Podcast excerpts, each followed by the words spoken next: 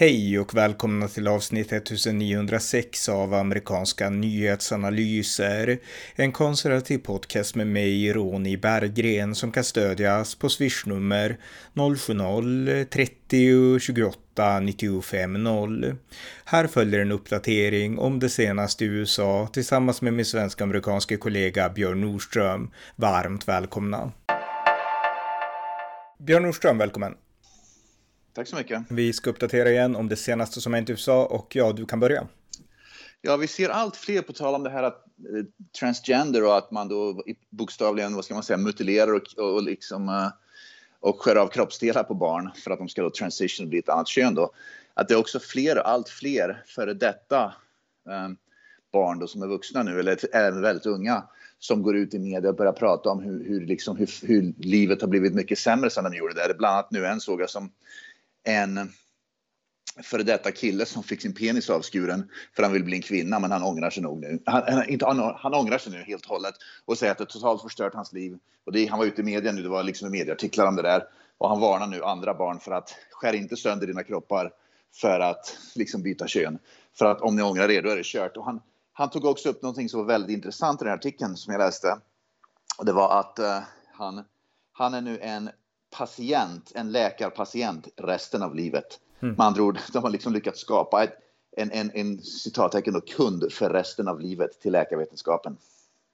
Och det är alltså fruktansvärt och han är typ 20 år. Mm, ja, det är sjukt. Det är så sjukt. Eh, en annan sak som är, det är också sjukt, fast inte på samma sätt, utan lite komiskt, det är en politiker i Rhode Island, en lokal politiker, en demokrat som har, han har dömts till böter och någon slags offentligt straff för att han i, han fick, han gick där i den här väldigt demokratiska minidelstaten, så såg han en bil där det stod, eh, ja. som hade en bumper sticker där det stod Biden sucks, alltså en republikan, och det finns ja. ju typ inga rep republikaner där. Och han var jätteförbannad, den här lokalpolitikern kanske han gick dit och gjorde en, han skrapade upp bilen med sin nyckel, sin egen nyckel ja. då på den andras bil. Och ja. eh, jag menar, alltså det, är, alltså det är en politiker som gör det här, det är liksom inte bara någon unge utan en politiker. Och han åkte fast och han ber om ursäkt, jag är väldigt ledsen och så här är jag, jag liksom, och så låter det så här liksom, liksom påklistrat, jag, jag liksom, jag är så besviken på mig själv ungefär.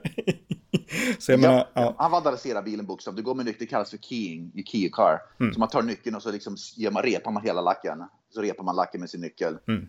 Han, han heter delstatssenator och Joshua Milder heter han, en demokrat och lokalpolitiker på Rhode Island. Men alltså, han, och han är liksom, han är inte 20 utan han är, han är, han är 69 år gammal. Och jag menar, om man gör så för att man ser en sån bumpersticker, det betyder ju verkligen i, i min värld i alla fall, att man inte är van att säga sånt. Utan man liksom, man reagerar för vem kan skriva liksom Bidens ax och så blir man arg ungefär.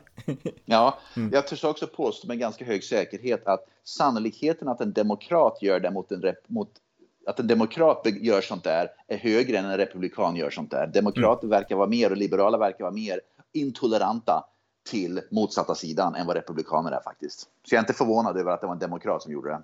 Nej, nej precis. Något annat? Ja, det var Stanford University som ligger då i, utanför San Francisco i Kalifornien. De hade tydligen bjudit in då på deras law school, deras juridikutbildning, hade de bjudit in en domare från Fifth Circuit Court för att hålla ett tal där. De gör ju det lite då, då bjuder de in sina domare då. Och då hade den som var, vad ska man säga, departementschefet för det här, uh, det som kallades för DI, DEI, um, eh, Equality, Diversity, Equality och Inclusion. Den som är chef då för Stanford University för Diversity, Equality och Inclusion hade uppmanat eleverna att börja skrika och gapa. Det var tydligen konservativ, som jag tror var Trump som tillsatte den domaren. Så det var en konservativ domare i alla fall. Och i alla fall den, en, en departementschef då för Stanford hade uppmanat eleverna att, att börja skrika och gapa och förstöra hela händelsen. Och mycket riktigt så gjorde eleverna det. Men den i alla fall personen har nu i alla fall fått sparken från Stanford University. Mm. Uh, eller snarare upp, starkt uppmanad att säga upp sig. Så i alla fall personen jobbar inte längre för Stanford för att Stanford gick ut och sa att det här är helt oacceptabelt. Vi bjuder in, vi har rätt att bjuda in och, och, och oavsett om det är liberala eller konservativa domare som kommer hit och hålla tal så ska de få hålla tal och vi ska bete oss civiliserat och respektfullt.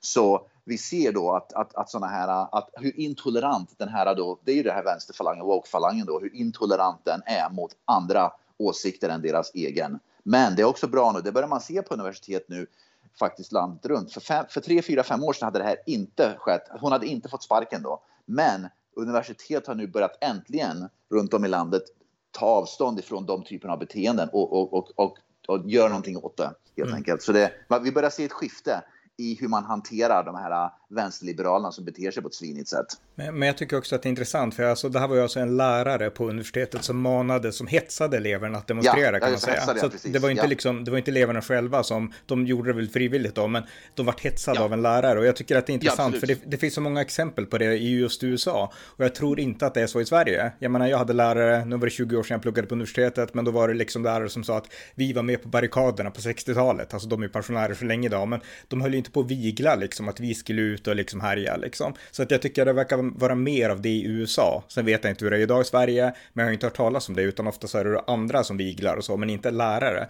Men i USA så verkar det vara rätt vanligt att lärarna hetsar eleverna. Det är väldigt vanligt här i USA, tyvärr. Men tack och lov nu, för tre, fyra år sedan så hade du kommit undan med det som en lärare eller som en fakultet eller som en anställd på universitetet överhuvudtaget. Men nu tror jag att universiteten har fått nog. Man har nog börjat gå åt andra hållet igen och gå tillbaka till mer normal tillstånd där man inte accepterar sånt där längre. Men hur, hur kan det vara vanligt? Jag menar, finns det ingen lärarutbildning i USA där man lär sig att så här gör man inte? Jag menar, du är ju lärare, så jag menar, vad, vad liksom, varför är det så vanligt i USA att lärarna är så? Det är för att det, de är ju vänsterliberala aktivister. Och även då de här institutionscheferna är också vänster. Det, det, det vet vi, det är precis som i Sverige och USA är ju då helt genomsyrat av vänsterliberalismen och aktivisterna. Va? Att man har då på något sätt, det har liksom grott in i institutionernas, vad ska man säga, DNA att man ska bete sig och man, man har rätt att bete sig på ett visst sätt. Att man ska inte vara tolerant mot någon annans än sin egen åsikt. Och när det är så, så, så liksom, då, då liksom, det blir bara del av kulturen. Och när det blir en del av kulturen så blir det svårt att stoppa. Så att det, är liksom, det bara är så. Det är, på skolor med. Du, om du går omkring med en tröja på en skola till exempel, i alla fall för två, tre år sedan, som det stod Donald Trump på, då blev du avstängd från skolan, vare sig du var vuxen eller elev. Då liksom intolerans direkt, men du kunde gå omkring med en, med en tröja som det, som det stod hata Donald Trump eller liksom AFA eller vad, vad som helst nu, så liksom var Black Lives Matter. Så att man, man går efter ena men inte de andra. Va? Det, det beror på att just de här lärarinstitutionerna, universiteten och, och, och skolor är helt genomsyrade av vänster. Och det är det som vänstern har lyckats komma på nu för många, många år sedan, flera decennier sedan, att, att det gäller att vad ska man säga, infiltrera och ta över institutioner som skolor, som universitet. Och då, och då kan man liksom bete sig lite hur som helst. På företag tror jag är svårare att göra så. För företag tror jag är lite mer strikta. Och, och vänster kan inte tas in på samma sätt. För det, jag tror andelen vänster på skolor och universitet är mycket, mycket högre än i samhället som helhet eller företag, privata företag. Har du stött på några sådana aktivistiska lärare själv någon gång? Ja, i Vermont gjorde man det, absolut. I Vermont var det väldigt vanligt med det. Det var ingen snack om det. Va? I Vermont var det liksom tillhörde normen. Uh, en anledning till, vi, vi flyttade till Arizona då, men en an, um, ehm, min dotter, hon gick ju på första året på gymnasiet, här är gymnasiet fyra år då, så hon gick första high school, första året gymnasiet i Vermont. Och hon fick en, det var alldeles innan pandemin då, så tack och lov kom pandemin, men en av uppgifterna, hon, eleverna i hennes klass var tvungna att skriva en uppsats som handlade om Ämnet var varför är Donald Trump en värdelös, usel president? Så det var redan från början antaget att han var en usel president. Så eleverna och min dotter ville inte det, så hon frågade om man kunde skriva en, en läraren då, om, om hon fick skriva en uppsats som istället handlade om något annat. Om de liksom kunde ta en egen ställning och argumentera. Men nej, du måste ta en ställning för att Donald Trump är en dålig president och argumentera varför han är en dålig president. Och det var ju vilken rak aktivism. Och sen en vecka senare så, så inträffade då pandemin och då då liksom åkte ju alla hem och man stängde ju skolor och allt för det, så att då liksom försvann den. Men det var ju en stor, en, en anledning till att vi flyttade till Arizona. Det var ju för att komma bort ifrån för Vermont och den skolan jag gick på. Det är extremt, lärarna, det är sådana aktivister så det är ju inte klokt va? Ja, helt otroligt. För jag menar, den aktivismen ja. finns ju i Sverige också. Det är inget snack om att det här vänstertänkandet har präglat alltså lärarinstitutioner. Men jag har svårt att tänka mig att lärare öppet skulle göra så, för det skulle bryta så mycket. Alltså, det är liksom, det finns inte ett utrymme i liksom den svenska, liksom, det måste ändå ges sken av att vara objektiv, även om man inte är det, liksom på ett sätt som, det känns som att i USA behöver man inte ens ge det skenet. Det behöver man inte göra och även då att lärar... I Arizona finns ju inga fackföreningar men Vermont har väldigt, väldigt starkt lärarfackförening. Fackförbundet för lärare i Vermont är väldigt, väldigt starkt. Och fackförbundet tar ju omedelbart ställning till vilken presidentkandidat och vilken, vad man ska tycka om presidenten. Va? Och i Vermont är det väldigt, väldigt svårt att få... Du kan bete dig hur... Och så länge du inte våldtar en elev, men det kanske man kan göra nu med antar jag, men, men att det är omöjligt i princip att få sparken från en skola i Vermont. Man får bete sig precis hur som helst. Man har extremt starka skydd under fackföreningen. Så om du tar avstånd från Donald Trump och hatar Donald Trump öppet och liksom in, infiltrerar elever då i vänster i, vänsterliber, i vänstern då, i deras tankebanor, då har du skydd av facket. Men om du skulle göra precis samma sak, därför att facket är alltid vänster mm. i Vermont. Om du gör samma sak men att du hatar eh, Joe Biden och du tar avstånd från Joe Biden, då har du inte samma skydd från facket därför att de tar ställning till, precis som i Sverige då, om du är med i SD i facket, då liksom ska du kastas ut. Men är du med i, är du med i Socialdemokraterna, då får du liksom då skyddar facket dig. Va? Det är lite samma sak där. Mm. Så att som i USA, i, i, i Vermont, och där fick man ju skydd av facket om man, om man, om man gör sådana beteenden. Då är det liksom, då är det liksom öppen, det är liksom öppet för alla att, att bete sig på ett sätt så länge du bara beter dig så som facket vill att du ska bete dig. Så att det, är liksom, det, det, det, det genomsyrat i kulturen och, och samhällsstrukturen i Vermont. Mm, i skolorna. Mm, yep. Men mycket intressant att veta. Ja, vi går vidare, något mer? Ja, uh, jag såg att det har kommit ut FBI-dokument nu. Jag kan, du kanske läste mer om det här. Jag har inte läst så himla mycket, men i alla fall att Joe Biden kan ha involver, varit involverad i någon slags vad heter det, bribery, uh, mutskandaler. Att det, till och med FBI-dokument kommer fram till att Joe Biden har varit involverad i internationella mutskandaler. Så nu börjar verkligen många, många röster höjas i både senaten bland republikaner och representanthuset bland republikaner att de vill impeach uh, Joe Biden. Så min gissning är, jag skulle inte bli förvånad om det kommer upp impeachment articles inom ett par, par tre månader. Det tror jag. Det, mm. Sannolikheten är väldigt, väldigt hög. Nu kommer han ju inte att bli impeached. Han kommer förmodligen att, att, uh, att det, det, kommer att gå igenom i, um, i representanthuset efter republikanerna är då um, en majoritet där, men det kommer ju naturligtvis inte gå igenom i, um, i senaten då. Men det här kommer att gå igenom samma. Och det var någon som sa, och det stämmer ju kanske, jag, jag, jag, kan inga detaljer om, det här, om de här mutanklagelserna. Men lite, någon... kort, lite kort så handlar det om att det är en företagare, jag tror från Burisma, det här företaget i Ukraina, som skulle ha mutat, alltså via Hunter på något sätt, tror jag i alla fall. Alltså, ja, det är det eh, liksom 10 miljoner dollar då som gick till Joe Biden. Jag tror att det är så ungefär. Ja. Men en av, en av republikanerna, minns inte vem det var, om det var Chuck Russell eller vad det nu var, som i alla fall sa att Donald Trump blev anklagad för ungefär liknande saker och han åkte in och blev impeached. Och mm. om vi ska nu vara vad ska man, consistent så måste vi göra samma sak då med Joe Biden. Annars så visar det att vi liksom behandlar två olika, ungefär liknande beteende behandlar vi på olika sätt. Mm. Men, men jag såg ett inslag om det här på Fox News och för att liksom ta ett sidospår här, de diskuterade en intressant sak och det är att Joe Biden har en villa för typ 30 miljoner dollar någonstans. Yeah. Är, alltså det är någonstans där i New England i alla fall. Och Delaware de förmodligen där uppe. Ja, just det, precis. Ja, och, och de, sa, de sa här på Fox News då att den här är ju superdyr och Joe Biden yep. har ju bara varit senator och vicepresident så han har inte tjänat några pengar sa de. Och det tyckte jag var intressant för här i Sverige så tänker yeah. man liksom att om man är vicepresident eller om man är senator så är man typ superrik. Men jag vet ju efter att ha följt amerikansk politik så länge att alla pratar egentligen om att tack för att du hoppade av liksom ditt jobb på Wall Street och gick till det här yeah. skitbetalda jobbet i Vita huset yeah. eller någonting. Alltså här i Sverige är det tvärtom. Är du politiker då har du bra lön, betydligt mer än vanlig, en vanlig knegare har. Men i USA yeah. så är det liksom motsatsen, att du går ner i lön. Kanske inte om du är Ilan Omar och kommer från typ Afrika, men liksom generellt, alltså vanliga medelamerikaner, de går ner i lön när de blir politiker. Det är en ganska intressant iakttagelse. Så jag tänkte liksom att, jaha, liksom är 30 miljoner roller. Det är inte vanligt för en politiker tänkte jag. Eh, och de sa att det är inte alls vanligt. Ja, precis. Bernie Sanders såg jag. Hans hus är värt... Jag vet vart hans hus Jag har sett hans hus. Han bor i Vermont. Han har sitt hus i Vermont. Och hans hus är kanske värt ja, en halv miljon dollar kanske. Hmm. Och det, det, det, det, är inte mycket mer än ett medelklasshus som han har i Vermont. Och jag såg också, det går ju, det här offentliga liksom grejer man kan kolla. Och jag såg att Bernie Sanders har ju, han har varit politiker hela sitt liv då och suttit i kongressen och sådär nu under en längre tid. Men han i alla fall, han har ju inte många, han har, han, hans antalet, liksom, hans pengar är inte speciellt imponerande. Han har inte speciellt mycket pengar. Va? Så att han har väl inte tagit emot några, säger man vad man menar med Bernie Sanders socialism och allting, men han har verkligen inte tagit emot alls för mycket för att han, han, han är inte mycket mer än medelklass fortfarande trots att han har suttit där. Så om Joe Biden har lyckats köpa ett hus för 30 miljoner dollar så måste de pengarna kommit från ett annat ställe för lönen är ganska låg. Och det här såg jag också var väldigt intressant. Jag vet inte vilken domare det var, om det var, det var en HD-domare, om det var Elena Kagan eller, eller Sonia Sotomayor, en av de två vänsterliberala domarna. Innan den domaren hamnade, i HD så hade hon, vem det nu var om dem, för jag kommer inte riktigt ihåg, Uh, ungefär 150 000 dollar hon hade liksom sparat ihop genom åren då som advokat och som domare och allt vad nu. Och nu, he, he, nu är hon mångmiljonär. Nu några år senare har hon mång, är mångmiljonär, dollarmiljonär. Så det har gått väldigt fort sedan hon i Högsta domstolen att inkassera massa pengar. Och HD-domare tror jag inte tjänar mer än typ 200-250 000 dollar om året mm. i lön officiell lön. Så pengarna som hon har liksom lyckats samla på sig under de fyra, fem senaste åren har, har, är mångmiljonbelopp. Och vart de kommer ifrån, det vet jag ju inte, men de kommer ju någonstans ifrån. Mm. Så att när man väl hamnar i de positionerna så flödar pengarna in.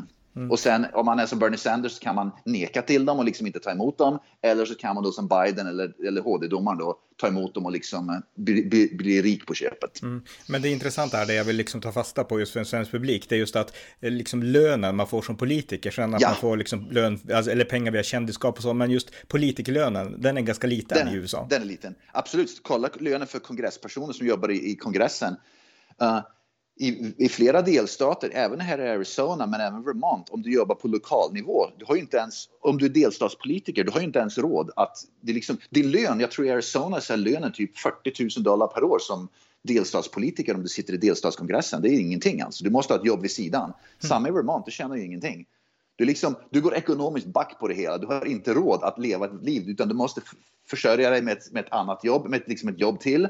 Eller så måste du liksom ha någon annan som hjälper dig att försörja dig. Va? Så att mm lönen för lokalpolitiker och delstatspolitiker här i USA är skitlåg faktiskt. Men, men alltså det är intressant, vi, är sista grejer då, för jag menar, i Sverige är det ju nästan tvärtom. Och så här finns det politiker som lever det goda ja. livet ungefär ja. genom att leva på politikerlöner. Och ja. jag menar, det har skapats ett system i Sverige som gör att man kan vara blind för vad som helst, man kan gå med på vad som helst, bara man får sitta på sin position och hova in sina pengar. Men alltså, det system man har i USA, när det är låga löner, då krävs det ändå lite mer idealism för att vilja bli politiker. För varför skulle man annars vilja det? Det är ju inte pengarna som lockar.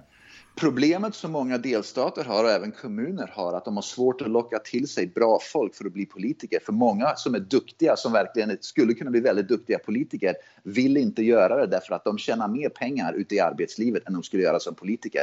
Och det är faktiskt ett öppet problem att, de, att, att liksom, människor med meriter och expertis och kunskaper som skulle vara, ja, bli väldigt duktiga politiker vill inte göra det helt enkelt därför att det, det, det finns ingen incitament för att göra det. De tjänar för lite pengar. Mm. Och det, här har vi alltså motsatsen. Till och då får man skitpolitiker istället. Mm, men, men, det, men det kan också bli tvärtom. Alltså om man tjänar för mycket pengar och bara lever på det så kan ja. man också få skitpolitiker. Jag menar Sovjetunionen är ja. praktexemplet. Jo, jo, precis. Ja, ingen, ingen tjänade pengar utan de som var politiker och var med i partiet. ja, men det som är bra antar jag då med de här låga lönerna är då att man får människor som verkligen brinner för politiken mm. och verkligen gör det för, av rätt anledning. Därför att man kan inte bli rik, men man gör det av rätt anledning. Så att man liksom istället som i Sverige där man kan gå in och bli politiker som 17, 18, 19 år och sen ha en heltidskarriär och bli, och bli hyfsat tät på det och leva gott. Mm. Utan att egentligen åstadkomma någonting av värde för någon. Mycket intressant, mycket intressant. Ja, vi fortsätter, något mer? Ja, jag såg att de här Ivy League-universiteten, det är de här elituniversiteten i USA, Harvard, Yale, ja, de, de där som ligger uppe i, i, i nordöstra USA då, uh, Columbia och så vidare, va? Dartmouth. Mm andelen, per, andelen elever som, som öppet går ut och säger att de är eh, uh, HBQT i den här HBQT-gruppen har under de senaste 3-4 åren gått från 9% till närmare till 40% ungefär. Och jag såg att en anledning till det, det här är intressant, många av de som pluggar på de här elituniversiteten är vita privilegierade. Och ett sätt för de rika privilegierade att på något sätt bli mer accepterade är att bli HBQT, för då kan man helt plötsligt tillhöra. Då är man inte längre en vit privilegierad, utan då tillhör man en utsatt minoritetsgrupp. Mm. Så väldigt många nu som pluggar på de här elituniversiteten blir HBQT, i alla fall teoretiskt sett. De identifierar sig i det just för att de ska kunna få tillhöra en en ut, citattecken, utsatt minoritetsgrupp istället för att vara en privilegierad grupp mm. som liksom pluggar på elitskolan. Så man utnyttjar med andra ord HBQT i själviska syften för att bli mer accepterad på universitetet och för att bli mer accepterad av omgivningen och för att bli mer accepterad av vänstern istället för att bli hetsad och hatad för man är rik och privilegierad och pluggar på ett elituniversitet så blir man helt plötsligt omfamnad av samma vänster för man är då en utsatt minoritet, HBQT-grupp. Mm.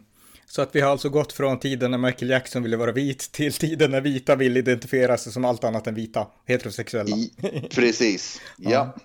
Ja, eh, en annan sak som jag tänkte berätta är att det finns en amerikansk gangsterrapper som heter YNW Melly heter han. Han är från Florida, okay. 24 år gammal och han har nu dömts för, eller han kanske kommer att dömas idag till och med, för två mord utförda 2018 och han riskerar då att dömas till döden. Och han har en musikvideo som är ganska otäck som heter Murder on my mind som jag såg nyligen där han går omkring och liksom glorifierar vapen och sådär. Och jag kunde inte ja. låta bli att tänka att det här är ett praktexemplet på just den här gängkulturen i USA. Unga män, det vi har pratat om så ofta, som växer upp utan pappor och som får gängen som sina liksom sociala, ja. alltså som sina familjer helt enkelt.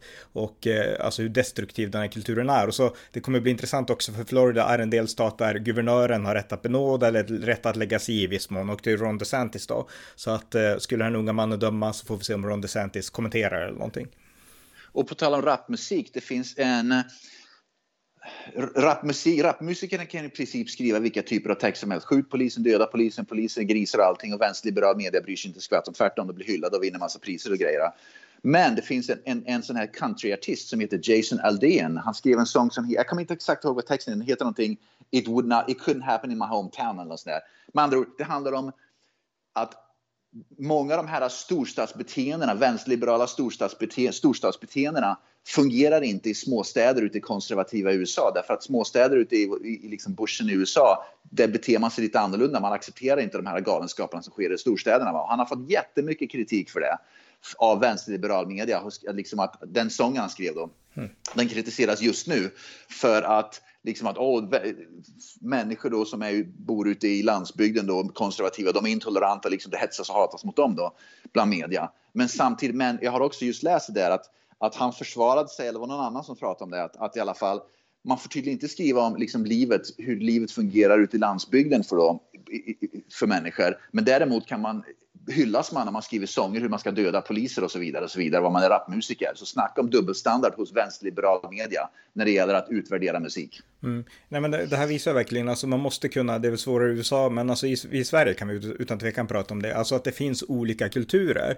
Ja men den här rapparen som jag nu nämnde, han är svart, 24 år gammal, eh, yeah. YNW Melly, och eh, hans YouTube-låt som heter Murder on my mind, den har fått mer än yeah. 585 miljoner visningar, alltså, nästa, alltså nästan en halv, mer än en halv miljard oh, visningar alltså. Ja, ja. Och jag menar, det, det, visar att det här är ingen, inte bara en enskild person, utan det finns otaliga fans, det är liksom många som gillar den här musiken. Och här har vi alltså en person som symboliserar just den här gängkulturen, som består ja. inte bara, men i mångt och mycket av svarta unga män som har liksom växt upp utan fäder, och deras fäder växte förmodligen också upp utan fäder och så vidare. Men sen har vi den här vita vapenkulturen, där man växer upp i kärnfamiljen, pappan finns i familjen och lär sonen och dottern att hantera vapen. Så jag menar, det är två olika vapenkulturer och det är liksom, man behöver inte göra det här till en rasfråga, för svarta kan ju också leva liksom i kärnfamiljer och så, även om det inte är lika vanligt, inte i storstäderna, men liksom det finns två olika vapenkulturer och det har inte med ras att göra, men det går ändå att generalisera så att de flesta inom den här gängkulturen, det är svarta som har växt upp i den här svarta kulturen, varför den finns kan man diskutera,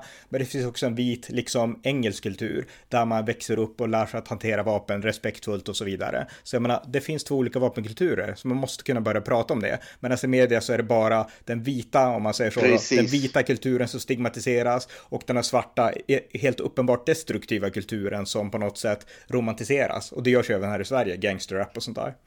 Och vi ska också nämna att den vita vapenkulturen så har den absolut stora majoriteten av de som äger vapen, de äger vapen lagligt. Medan den svarta vapenkulturen, som pratar om gangsterkulturen, den absolut stora majoriteten äger vapnen illegalt. Mm. Men det, så fort politiker pratar om vapenlagar, vapen, då pratar man aldrig om att få ta vapen ur händerna på, på svarta gangsters. Det är alltid olagliga vapen. Man pratar alltid om att vi ska ta de lagliga vapnen ur de vita som följer lagen. Mm. Det är det man ska göra. Och det är därför det här, det här, det här, liksom, det här aldrig kommer att fungera. För att de, de inriktar på helt fel problem. Mm. Ja, men vi, har exempel, vi har exempel på det här i Sverige också. De här gangsterrapparna som har fått vara med i P3 och fått priser ja. och sådana saker. Och sen har vi Karl Hedin, den här affärsmannen som äger skog någonstans i Småland. Ja, eller vart det är. Och som är liksom jägare, han är 70 år gammal. Och han misstänktes, han misstänktes bara, han gjorde det inte, men han misstänktes för att ha skjutit en varg illegalt. Ja. Polisen kom, liksom tog hans vapen, han fick sitta i häkte i flera veckor eller om det till och med var månader eller lång ja. tid i alla fall. Och han vart helt, alltså det vart rättegångar om det ena och det andra och han vart helt liksom söndermalad av det här svenska systemet. Ja, som ger sig på medelklass. Och media. Mm, och media också, som ger sig på liksom den vanliga normala ja. svenska arbetarklassen. Även om han är rik så är han ändå en vanlig svensk arbetare liksom. Så jag menar, det är ju eh, Ja, det är faktiskt helt upp och nervänt hur, liksom, hur systemet och vårt samhälle fungerar idag. Och det är det som gör att de aldrig, som här i USA, att de aldrig kommer att kunna få slut på de här. För de flesta massskjutningarna och de absolut stora majoriteten av mord och skjutningar som sker, det sker inte av, av, av vita vapenägare som går till, till den här skyttebanan och tränar och så. Det, det är faktiskt inte det vapenproblemet är. Och det är därför de här massskjut, alla de här stora problemen aldrig kommer att kunna lösas. Därför att man vägrar erkänna det är grundproblemet och man vägrar ta itu med grundproblemet. Mm, mm. Ja, vi går vidare. Något mer? Ja, tala om Dylan Mulvaney igen. Han, eh, hon, han i alla fall, det är ju den här då transgender som Bud Light eh, gick bet på. Och i alla fall, han stack till Peru sen och ville vara i Peru och för Peru är mycket säkrare och bättre. Nu har han i alla fall beslutat sig för att nu ska han försöka jobba. Så han vill tillbaka till USA och han söker jobb och han kom fram till att det bästa sättet att få jobb för honom det är att åka runt på universitet och hålla tal. För universitet i USA är ju som jag nämnde tidigare är ju då vänsterliberala. Så han kommer nu förmodligen att hamna på massa universitet och bli stenrik på det och tjäna massa pengar och åka runt och hålla tal hur orättvist behandlad och hur utsatt för hat och hets han är. Så mm. att han kommer att bli stentät på det där på universiteten som är vänsterliberala som han kommer att ta ut tiotusentals dollar för att hålla ett, ett timmes långt tal om, om hur intolerant världen har varit mot honom. Och gissningsvis så kommer de här liksom, jämlikhetslärarna inte att hetsa mot honom. Absolut inte. Så att han kommer att bli tät nu på det här. Han kommer att bli mångmiljonär på det här han har gjort. Så att mm. han har dragit ner Bud Light i, i liksom graven och han själv kommer att bli stenrik på ett annat sätt nu istället. Så. Ja. Men, men, jag tänker mig också, alltså, om man håller på så, alltså föreläser för stora pengar just för att liksom framföra inte bara en informationsföreläsning utan ett ideologiskt budskap, ja. då blir man ju själv bunden till det ideologiska budskapet. Det spelar ingen roll vad som är sant eller inte, vill han tjäna pengar så måste han driva narrativet liksom. Så att, ja, visst. Eh, så ja, även, om han, även om han skulle bli en sån här transgender som egentligen ångrar sig, som så många gör, så skulle ja. han aldrig kunna våga erkänna det, för då skulle han ju bli fråntagen den här potentiella framtida inkomsten. Ja, men självklart. Vi ser ju, det, det räcker ju att titta på Aftonbladets ledare, säg Anders Lindberg på Aftonbladet. Anders Lindberg, det spelar ingen roll hur världen faller samman runt honom. Han kommer fortfarande att tuta på som Bagdad-Bob om hur fantastiskt det är. Därför att han måste ju ha den inkomsten. Och grejen är ju det att Dylan Mulvaney, precis som Anders Lindberg, duger ju inte till någonting i verkliga livet. De kan ju liksom inte skaffa ett riktigt jobb därför att de duger inte till något. De kan ju ingenting. Därför måste de hänga kvar vid en ideologi då till sista liksom till sista droppen just för att de, eh, det är det enda de har som inkomstkälla. Mm. Ja, det, det, är rätt sjukt alltså att det är sådana som ändå driver diskursen och liksom narrativen i, liksom, i samhället. Men ja, ja. något mer? Ja, det var en, eh, chefen för luftvapnet tror jag det var, Richard Clark, var i alla fall, ja just det, en general för luftvapnet var i alla fall på ett sånt här kongressförhör nyligen och han fick frågor. Och det, luftvapnet har nu en slags, vad heter det, de har ju sån här doktrin då det står att man är öppen för alla olika typer av sexualiteter och det inkluderar då någonting som heter, jag har aldrig talas om det här, demigender, agender. Det var massa olika typer av, av kön då som jag aldrig ens har talas om, helt nya. Och i alla fall Matt Getz, som då, han är från Florida, kongressman från Florida, han frågade luftvapenchefen under förhöret vad är en agender för kön? Vad betyder det? Och vad är en demigender för någonting? För han har aldrig talas om det och luftvapnschefen som har skrivit under det de försöker göra är att de öppnar upp då att luftvapnet är bra för alla. Det spelar ingen roll vilket kön, som du är en demigender eller agender eller om du är en translate, vad det nu än är för kön, så, kom, så finns det plats för det i luftvapnet. Va? Men luftvapenschefen som själv har varit med och skrivit på de här dokumenten visste inte om, han kunde inte svara. Han sa, att, han sa till sist att jag vet inte vad de betyder. Som andra att chefen för en institution, luftvapnet, ha, eh, rekryterar olika typer av kön utan att ens veta om vad de könen egentligen betyder. Mm. Jo, men alltså, jag skulle inte lasta det på honom, utan jag menar, han är ju nej, del nej. av en kultur och en ideologi som bara pressas på alla institutioner. Det finns säkert otaliga chefer, precis som det finns lärare som, ja men vi skriver under det för det är inte det vi vill syssla med, utan vi vill bara slippa liksom hantera det här och sen så, vi vill inte ta konflikten liksom. Så att, eh, jo, jo mm. visst är det så, visst är det så. Han liksom bara en, en bricka i spelet, va? men det blir ganska pinsamt och uppenbart att den som är chef för den institutionen mm. har ingen pejl på vad som pågår. Men det visar också att man är för feg, att, att den personen är för feg eller o, man måste antingen läsa på eller så är du för feg för att ta ställning i det. Det är, liksom, det är någonting som är fel där. Mm. Och förmodligen är han en livrädd för att förlora jobbet om han inte ställer upp. Det är någon som utvecklar ett dokument, han skriver på det och sen bara liksom går vidare i livet. För det är så det funkar. Va? Mm. Men det visar ju också att det, det, det, är en total, vad ska man säga, det är ett totalt vakuum eller glapp mellan då vad de här aktivisterna i organisationen gör och vad chefen pysslar med. Mm. Men det är likadant i Sverige. Vem, driver, vem, vem, leder organisationen egentligen? Nej, exakt. Men det är likadant i Sverige, åtminstone för några år sedan när det var inne att bli hbtq-certifierad. Skulle alla så företag och butiker så sätta upp ett Pride-klistermärke på sina butiker och visa att de hade pröjsat, inte vet jag, 100 000 kronor för någon slags RFSL-certifiering liksom. Jag menar, ja, just det, just det. många av de cheferna, förmodligen så vet de inte vad alla de här bokstavskombinationerna betyder, gissa. Så att, ja, mm. precis. Ja, något mer? Ja, jag kan ta ett par saker till vår vän Leah Thomas. Som vi har pratat om väldigt mycket, transgender, den här simmerskan, eller simmaren i alla fall. uh, går nu öppen omkring med Antifa-tröjor, AFA-tröjor. Så att Lea Thomas visar sig vara, vilket inte är helt förvånande i och för sig, en, en extremvänster. Och det är man inte skvatt förvånad över. Va? Så att det, ligger, det finns ju en bakomliggande ideologi som de förmodligen har varit med, som hon, har, hon han har, har liksom stött under, under en längre tid, men nu är det i alla fall öppet. Så mm. det, det liksom visar vart ideologiskt sett Thomas står. Mm, just det. Ja, något mer?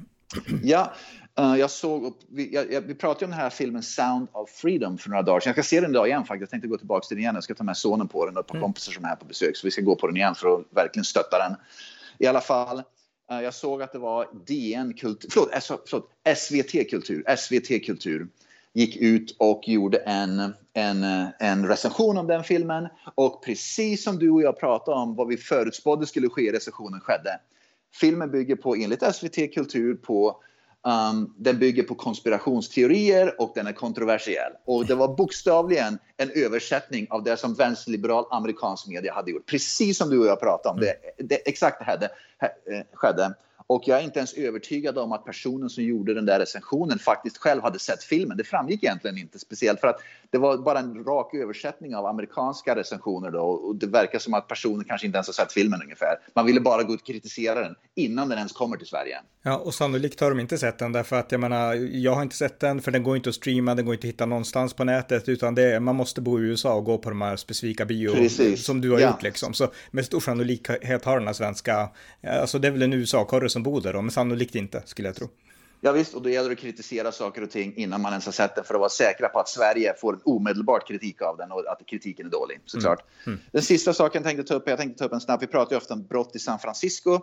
Det finns en, en kedja, en affärskedja som heter Walgreens. Det, det är en affär, men det är framförallt ett pharmacy, vad heter apotek typ, men de har andra grejer med, men det är framförallt ett apotek då.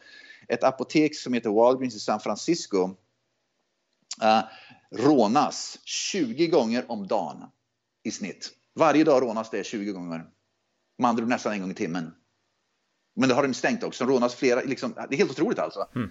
Uh, att, att, att, och det bara sker dag efter dag efter dag. Det bokstavligen står rånare på kö och bara går in och rånar affären och sen går de vidare och sen går de, kommer in i nya. Så det är helt otroligt vad San Francisco har fallit ihop. Och jag snackade med en kille igår, jag var i poolen igår, jag snackade med en gubbe, han, han sa att han var i San Francisco för ett par veckor sedan och han sa Eh, han sa att åker man dit att San Francisco är ett jävla skithål. Alltså, herregud. Han, han är tydligen släktingar, hans barn bor där. Mm. Men han sa att det är ett riktigt jädra skithål San Francisco. Man känner sig otrygg, det uteliggare överallt, folk håller på med droger och öppna. Det, han är konservativ, för jag känner honom hyfsat väl. Mm. Han är en av grannarna här som bor här. Men i alla fall, han sa att San Francisco det är ett riktigt skithål. Det, det liksom känns otryggt och otäckt att åka dit, för det är, liksom, det är slum så det bara dånar om det. Och uteliggare överallt och folk ligger och gör droger och liksom det det är bara ett skithål, sa han. Det är ett skit. Om inte mina barn bodde där skulle jag aldrig åka dit. Så det är alltså inte de här vita medelåldersmännen med jaktvapen och liksom sånt här som rånar alltså? Utan... Nix pix. Men 20 gånger om dagen så blir det en affär rånare i San Francisco nu. Herregud. Ja. Mm.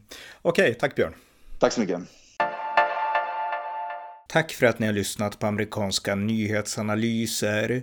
En konservativ podcast som kan stödjas på swishnummer 070-30 28 950 eller via hemsidan på Paypal, Patreon eller bankkonto.